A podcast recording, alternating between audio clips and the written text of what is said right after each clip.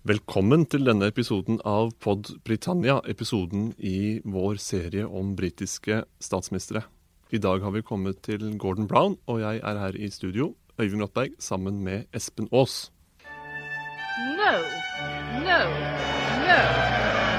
What we are asking is for a very large amount of our own money back. The choice is in your hands. A meaningful vote. We had it in the referendum on 2016.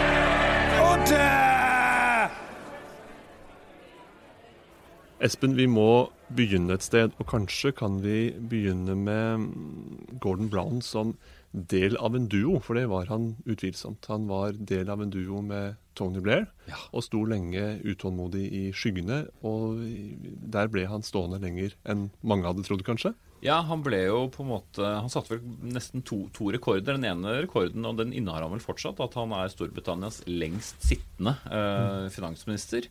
Eh, men samtidig så ble han vel kanskje den, en av dem som også ventet aller lengst på å få lov til å bli eh, statsminister.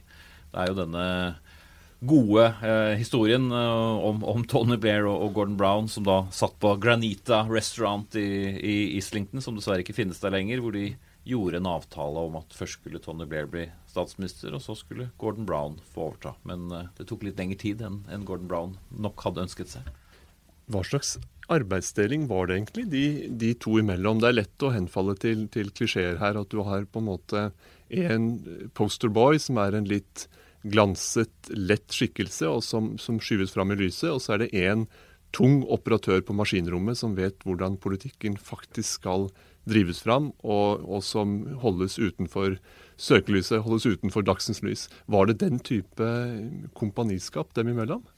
Langt på vei. Eh, men klart at Tony Blair ble også fanget litt av sin egen eh, popularitet. Eh, og det ble vel til slutt hans bane òg. Han trodde etter hvert han nesten kunne gjøre hva som helst som statsminister. Men samtidig så hadde jo heller ingen sett for seg, tror jeg, at Labour skulle vinne så mange valg. Og Tony Blair syntes jo, og han fikk jo på en måte rett sett ettertid, at det var han eh, som vant eh, disse valgene. Eh, og, og, Gordon Browns oppfatning var jo i alle fall at uh, han skulle jo få mer rampelys mye tidligere enn en det han fikk. Men fordi Tony Blair var jo den store kommunikatoren, uh, så var det jo ikke unaturlig at han fikk den jobben. Morsomt var det jo likevel da, at det var jo Gordon Brown som flyttet inn i Downing Street uh, nummer ti, som er den minste uh, kokken. Og så flyttet jo uh, Tony Blair og, og Cherie og barna inn i, i nummer elleve, som har større familieplass. Men å være den rette innehaveren av, av, Downing Street nummer ti, det skulle det jo gå rett over ti år før, før, Gordon Brown fikk oppleve. Mm. Han hadde sitt opphav i Skottland, Gordon Brown, og har alltid vært distinkt skotte. Det er jo mange som tenker på ham i, i, på et vis som selve eh, levendegjøringen av noe av det, det, skotske, det dystre, det pengetellende, det, det grå og, og, lett depressive til tider. Eh, og med en voldsom som arbeidsdisiplin. Hva var, hva var, bakgrunnen hans, og hvorfor kom han så annerledes inn i dette sammenlignet med, med Tony Blair? Fordi de landet jo som en slags dynamittduo, men likevel var de fryktelig forskjellige. Og hadde også veldig forskjellig opphav, både familiært og politisk. Ja, og ja, kommer fra helt forskjellige familier. Altså, Gordon Brown var jo en som kan du si, måtte jobbe og kjempe seg gjennom universitetsårene. Er jo en av de få statsministrene som ikke har gått på eh, de engelske prestisjeuniversitetene. Han tok jo hele utdanningen sin eh, i, i nord, i, i, i Edinburgh. Eh, men gjorde det også kjempebra, men har jo vært den nøysomme, som du sier, Øyvind, som har, som har gjort det grundig, vært påpasselig, og var jo en mye mer typisk Labour- eller Arbeiderparti-ideolog enn det Tony Blair var, som jo fort kunne vært en konservativ. Eh, Tony Blair var jo lå jo også mye lenger til høyre eh, politisk enn en det Gordon Brown eh, gjorde, eller inn mot sentrum, da, for å være litt forsiktig med ordbruken her. Eh, men de var jo stort sett enige eh, om, om, om, den veien. Men Gordon Brown satt nok og ventet veldig på at han skulle få gjøre det. Han var den som hadde tenkt opp mange, mye av strategiene. Eh, han var den som eh, gjorde de store økonomiske reformene, gjennomførte dem, ga makten tilbake til sentralbanken. Han gjorde jo utrolig mange viktige ting for britisk eh, økonomi som finansminister. Men Sonny Blair føk litt rundt og smilte og hadde fester med popstjerner eh, og, reiste verden eh, rundt. Og var, eh, var jo virkelig en superstjerne. Altså, jeg bodde jo i Storbritannia da Labour eh, vant, eh, hadde brakvalget sitt i, i 1997. Eh, og på mitt universitet løp jo folk ut i gatene og stoppet trafikken og feiret at endelig hadde de konservative blitt feiet ut av, av kontorene. Eh, og, og, og, Tony Blair nøt jo dette som sagt til, til fulle, mens, mens Gordon Brown, som var den som, som ordnet uh, litt opp uh, hjemme, måtte fortsette å jobbe hardt, som han alltid hadde gjort. Men Tony Blair, som kom fra en mer velstående uh, familie, en mer typisk engelsk middelklassebakgrunn, kunne liksom fortsatt å leve det. Så de, de fortsatte jo som de hadde startet, kan du si. Det er jo det er pussig dette med, med utdanningen også, for det er jo mange statsministre som har eh, Oxford eller Cambridge, aller helst Oxford, som del av bagasjen. Og da gjerne i form av en eh, PPI-grad, altså politikk, filosofi og økonomi. Blås greit gjennom en slik, et slikt eh, treårig studieløp, og så er du skolert til å kaste deg ut i det. Gjerne Gå- via Eton først, da. Ja, eh, så du først har, har gått opp, eh, du har gått opp eh, privatskolestien før du lander på et prestisjefylt universitet. Gordon Brown var jo på et annet spor her, og han, han eh, forble, som du sier, i, i nord. Og han, han gikk hele veien til en doktorgrad i historie, University of, of Edinburgh, og skrev sin avhandling, tror jeg, om en Labour-politiker på 20-tallet som bakset med denne balansen mellom å være radikal og ønske stor samfunnsendring på den ene siden, og samtidig være valgbar og kunne håndtere liksom, politisk ansvarlighet på den andre. Og det er jo eh, på et vis symptomatisk for hva Gordon Brown selv bakset med i, i alle år. For han, han startet jo ganske langt ute på, på venstresiden, slik mange i, i det skotske fløyen av, av Labour gjorde. På 70-tallet så var han en av medredaktørene vel på det for en bok som, var, som het Red Papers on, on Scotland. Som jo var en samling med, med slags angrep på klassesamfunnet, angrep på alt som var skakkjørt, og som et stykke på vei iallfall skyldes at londonere heller ikke forstår eh, hva som er skotske behov og den skotske arbeiderklassens behov. En Så han debatt som fortsatt eh, er høyst levende. i, I høyeste grad. og Han, han sydde jo sammen et, et prosjekt hvor, hvor skotsk selvstyre og fortsatt Labour-hegemoni eh, liksom skulle henge, henge sammen eh, i, en, i en organisk eh, helhet. Og det er jo en del av hans prosjekt som virkelig har raknet siden. Labour har, har falt fullstendig sammen i, i Skottland. Og det som var ment å være en veldig stabil og gjennomtenkt selvstyremodell, er veldig i dag svært nær ved å tippe over i selvstendighet.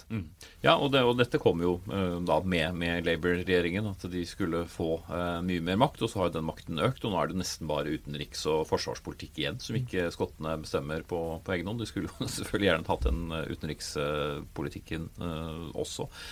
Eh, Men samtidig, beviset var jo der. Ved å flytte Labour inn mot sentrum, så gjorde de jo dette brakvalget. De ble jo mye mer et middelklasseparti enn et eh, arbeiderparti. Og det ble vel også sagt at Gordon Brown ikke var like begeistret for å klippe alle disse båndene til eh, fagbevegelsen, som jo Tony Blair etter hvert ble opptatt av, og ikke komme på de store LO-konferansene og være mer opptatt av, av business. Men jeg husker også Gordon Brown som finansminister ble jo en businessens mann. Han, eh, og særlig eh, de små og mellomstore bedriftene eh, snakket han alltid fram. Hva hadde Storbritannia vært uten alle corner shops, som han sa. Alle indiske immigranter annet som startet opp alle disse aviskioskene og snakket om liksom typiske folkets Det var jo hans ideologi likevel. Ja, det var viktig med næringsliv, men han var jo veldig glad da, i, i å snakke frem den lille mannen, som han jo for så vidt også selv tilhørte, selv om han etter hvert ble da en, en velutdannet eh, mann eh, fra, fra akademia. Men eh, jeg tenker en, en annen del av det som ble hans utfordring, er jo også fremtoningen hans. Det er jo vanskelig å, å, å snakke om Gordon Brown uten nettopp det derre biske, bryske blikket. Altså, du skvatt nesten i, i sofaen hvis han smilte på nyhetene, og særlig på, på pressekonferanser. Og litt av grunnen var at han hadde jo en, en kraftig øyeskade som han fikk det var under en rugbykamp eller noe sånt. Eh, som har gjort at han alltid har hatt eh, vondt eh, for, å, for å se, og måtte jo ha ny øyeoperasjon. Så når han skulle lese eh, prompten, eller altså disse skjermene med, med skrift eller på papir, så, så, måtte han jo konsentrere seg veldig. Og var jo også kjent for sitt veldig sånn oppfarende eh, humør, rett og slett fordi han, han slet så mye med, med de tingene. Eh, og var jo igjen da en rake motsetning til en veldig smilende eh, Tony Blair til enhver tid. En eh, gigantisk og krass håndskrift, uvøren håndskrift, og, og, og nettopp dette litt sånn eh, matte blikket. Eh, blind, eller iallfall nesten blind, på, på venstre øye etter denne rugbyulykken i ungdommen. Og enda et sånt, en bekreftelse på at dette er en voldsomt hardtarbeidende mann. Og det skal dere virkelig forstå. Hver gang han snakker, snakker til dere, så er dette en hardtarbeidende mann. Så det må dere feste lit til og, og forstå at han er vår leder. Det ble et, eh, en form for autoritet som mange kunne bli enten skremt av eller ganske lei av etter hvert. Og det beroligende til å begynne med. altså Han var jo ganske populær fordi han var, var så stødig. ikke sant? For sånn der, ja, Nå må vi huske på vi må ha orden i, i, i økonomien. Han var prestesønn, og du kan, eh, du kan kanskje også knytte det til den framtoninga. At en, en, en slags stram, faderlig skotsk eh, prest, at det, det er der du, du også kan plassere Gordon Brown. Så var han jo alene. altså Han kom, flyttet jo inn i Downing Street som, som singel. Eh, mens Tony Blair da kom med, med både kone og barn. Og det husker jeg også var noe som ble snakket mye om. Da, denne, liksom, denne ensomme, mutte, eh, alvorlige mannen. Så da han omsider eh, fikk eh, Fikk sin kjæreste, og som etter hvert giftet seg med, og, og jo fikk barn, som jo også ble en, en vanskelig bit, så håpet man jo å se en, en litt mer lysere side av ham, men de jo, det var jo eh, et barn som, som døde uh, veldig tidlig, og det var også sykdom på de andre barna. Så det ble en veldig tøff start også på familielivet uh, for, for Gordon Brown. Så igjen, ingenting kom enkelt. Politikken som hardt arbeid, slik, uh, slik livet er det også. Og statsministergjerningen som hardt arbeid. Han ventet i ti år som finansminister før han altså ble statsminister i 2007. Og de tre årene han fikk, ble en, en noe av en, en berg-og-dal-bane. Ja. Kan du raskt oppsummere hva, hva det egentlig var som var de store utforbakkene, og hvordan han forsøkte å håndtere det? Alle hadde ventet på at han skulle få jobben. Ingen skjønte jo når. Og til slutt kastet ut han og Blair kortene etter at eh, etter hvert som oppslutningen ble mindre og mindre, og han ble mer og mer upopulær pga. Irak-krigen. Men han hadde jo knapt fått statsministertittelen før eh, finanskrisen traff eh, Storbritannia med et brak. Han lå jo an til å være ganske populær, for alle var jo så lei av Tony Blair, som ble sett på som en løgner. Endelig skulle man få denne trauste fyren, men så var det det å rydde opp i eh, en økonomi eh, som han jo aldri helt klarte. Eh, igjen denne oppfarenheten og mange sånne små, rare uttalelser som eh, ble misforstått eh, og feiltolket. Eh, For han var jo ingen kommunikator. Han var ikke det. Og han, var, eh, han, han hadde vel en del vanskeligheter med å styre staben omkring seg, som kom veldig klart til uttrykk da han omsider fikk eh, statsministerjobben. At han hadde en slags detaljstyring, og, og også samtidig en sans for, for å hva skal man si, holde fast ved gammel aggresjon mot bestemte mennesker som han aldri kunne gi slipp på. Og det, og det brukte han fryktelig mye energi på. Langt mer energi enn man bør som, som regjeringssjef. regjeringssjef. Og det preget jo mange årene i forkant òg. Altså, han sendte jo sine rådgivere De lakk jo så mye dårlige historier om Tony Blair til avisene, mens Tony Blair-leiren eh, gjorde jo det samme.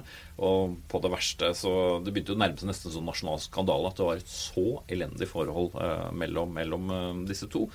Og så er det jo selvfølgelig også en annen hendelse helt i det siste som mange, mange vil huske. Under valgkampen hvor han er eh, ute og skal snakke med folk og blir skjelt ut av en, en eldre kvinne. Og han setter seg inn i bilen og kommer med en veldig upassende kommentar om 'this bigoted woman' med mikrofonen på, og lyden ble eh, fanget opp selvfølgelig av, av TV-kameraene. Var det ITV, jeg husker ikke, eller om det var BBC som, som hadde det. Så det var liksom enda et bevis på at dette, dette var ingen bra mann. Og derfor så har det gått inn i historien som en av i hvert fall eh, etterkrigstiden, om ikke dette århundrets mest upopulære statsminister. Han kjemper kanskje om akkurat den plasseringen sammen med Anthony Eden, som håndterte Suez-krisen eh, ganske eh, elendig på 50-tallet. Likevel er det delte oppfatninger her, for det finnes jo, finnes jo de som mener at måten Gordon Brown tok Storbritannia ut av finanskrisen på, eller bidro til å, å på et vis redde stumpene både for Storbritannia sin del og også i det større internasjonale bildet, at det er en, en betydelig skalp i beltet. Altså at det, det var et, et, veldig løft for hans statsministergjerning og viste at han var økonomisk kompetent. Hva tenker du om det? Han en, en lang erfaring. Men det ble jo en lang vei. De brukte jo til sjuende og sist. Men det hadde ikke, hadde ikke noe med han å gjøre, for det kom en ny regjering etter kort tid, i, i 2010, som var Cameron-regjeringen. Men Storbritannia ble jo til sjuende og sist det landet som brukte lengst tid på å komme seg opp av, av den økonomiske eh, grøften som var eh, finanskrisen. Men absolutt, hvis det var noen statsminister som hadde kompetanse, så var det jo han. Det var det. Eh, jeg husker da han gikk av i, i 2010 etter å ha tapt valget. Det gikk dårlig for Labour, og så ble det en koalisjonsregjering med David Camerons konservative og, og liberaldemokratene. På det tidspunkt så var Jeg husker jeg var her i, i, i Dagsnytt 18 og, og, snakket om ham. Og på vei ut så, så møtte vi Kåre Willoch. Og han sa at, eh, at, vi måtte ikke finne på å si at Gordon Brown hadde vært en, en kompetent statsminister i økonomisk politikk. At han hadde styrt, visst å styre skuta, skuta eh, presist og godt slik en styrmann skal. For det hadde han jo ikke. Han har drevet eh, heftig underbudsjettering og og stilt Storbritannia veldig utsatt til da finanskrisen traff internasjonale markeder i 2007-2008. Hva tenker du om det? Om, om, den vurderingen? Ja, altså Det er jo den samme historien som også det konservative partiet har spunnet uh, veldig på. Uh, mm. Men det, det, jo eh, Gordon Brown og Tony Blair gjorde, var jo å putte veldig mye penger inn i offentlig sektor. Offentlig sektor i Storbritannia hadde jo en enorm fremvekst i løpet av de årene. Men det gjorde jo også at middelklassen i, i Storbritannia vokste frem. Det ble innført en nasjonal minstelønn. Det ble foretatt så mange reformer som gjorde at veldig mange mennesker i Storbritannia fikk det bedre bedre. Men kritikken har jo vært at de brukte for mye penger. Mm. Og da eh, de forlat, forlot eh, Finansdepartementet i 2010, så ble det jo humoristisk lagt igjen en lapp. Sorry, det er ikke noe mer penger igjen. Men det var jo sant. Det var sant på det tidspunktet, og det, det sier noe om et, et um, tiårig, eller etter hvert 13-årig løp i regjering for, for, for Labour som var preget av hva skal man si, uheldig timing av måten man drev økonomisk politikk på. Først så var det en veldig knipende økonomisk politikk de første eh, årene for å vise at man var svært styringsdyktig og ikke sløste med offentlige midler.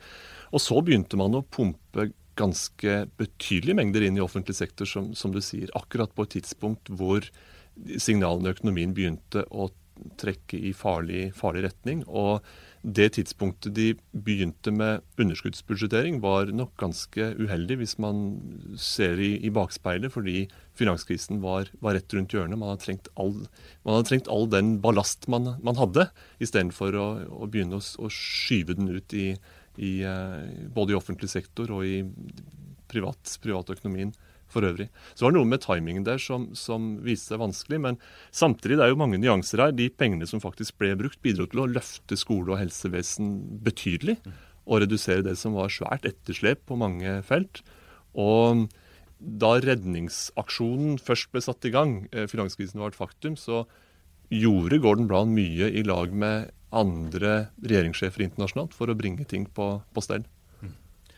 Eh, men han kom ikke bare heldig ut av, eh, av, historien. Eh, men det var jo ikke bare hans skyld. Det var jo også det å ha vært en del av en regjering som satt lenge. altså Regjeringsslitasjen var jo enorm, ikke minst pga. selvfølgelig Irak-krigen, men også Afghanistan. Og den voldsomme interne kniving. Så det skulle jo noe til å klare å bli en populær statsminister. I hvert fall få et populært ettermæle når du gikk inn i de aller uh, siste tre årene. Og det var jo noe spesielt da Gordon Brown til fots uh, vandret ut da sammen med familien til denne bilen og bare forlot Downing Street. Og man tenkte hva, hva står igjen etter en mann som var så hardtarbeidende, så grundig og ville gjøre alt rett. Men det ble liksom ikke nok. Det ble ikke nok, og det var definitivt velgernes dom til slutt også. Han hadde en vanskelig relasjon, ikke bare til, til Tony Blair, men også til, til, David Cameron, som var opposisjonsleder gjennom alle hans tre år som statsminister, og som ble hans etterfølger i, i Downing Street. Hvorfor ble det så, så hissig dem imellom, tror du? For det var veldig hissig til tider. David Cameron hadde jo en del av de tingene som Tony Blair hadde. Så han var en uh, markedsføringsmann, reklamemann, en, uh, og hadde jo helt andre talegaver også enn Gordon Brown. Han var flink til å latterliggjøre. Altså, da han kom inn og begynte å lede spørretimen etter veldig varierende eh, konservative ledere gjennom mange år. De spiste jo eh, ledere eh, som andre spiser Fanden spiser fluer. Men han fikk jo en, en motstander på andre siden av dispatchboksen i, i Underhuset som visste å pirke på alt. Og han var jo ikke noen tålmodig mann, som vi har vært innom. Veldig hissig og kom ikke spesielt godt ut av de ukentlige spørretimene. Det gjorde han ikke. Og jeg tror, eh, som du sier, at Cameron trigget noe ved ham som minnet om rivaliseringen med, med Blair. Og her var det jo oven i kjøpet en slags sånn klassefiendskap på plass også. Lettkjøpt eh, sørengelsk elite som har kommet så lett til det, og som synes livet er så lett. Hvordan, hvordan kan man ha en sånn tilnærming til politikken? Det, det ble en, en løpende provokasjon for, eh, for Gordon Brown. Og jeg tror nok også Cameron visste visste å trigge det. Fordi, han, vis, fordi han, han, var fullt klar over at Gordon Brown på sitt verste er når han blir virkelig sint. Og, og det å gjøre Gordon, Gordon Brown sint, det klarte David Cameron. Siste han vel fikk gjort, selv om det kanskje ikke var ene og alene hans seier, var han ble jo trukket inn i, i, i den skotske uavhengighetskampen for å holde Skottland eh, britisk. Om det var det beste eh, kortet som Labour hadde, er vel en annen ting. Men han kom jo litt inn i hvert fall det nasjonale rampelyset igjen etter å ha vært eh, ganske mye ute av det, sammen med Alice Darling, forrige finansministeren til, til Labour. Eh, Så de skulle være de, de trygge eh, stemmene. Det var nok mye som eh, ble lagt i, på vektskålen for, for skottene likevel. Men da, da var han i hvert fall litt tilbake i, i britisk politikk. Men siden det så har han jo knapt kommentert det. Noen kalte ham eh, mannen som reddet unionen den gangen, høsten eh, 2014. Han kommer til å, til å trengs for å redde både den ene og den andre unionen, hvis, hvis, det, hvis han skal ha noen oppgave i sitt fortsatte politiske liv. No, no, no. What we are asking is for a very large amount of our own money back. The choice is in your hands. We've had a meaningful vote. We had it in the referendum on 2016. Order!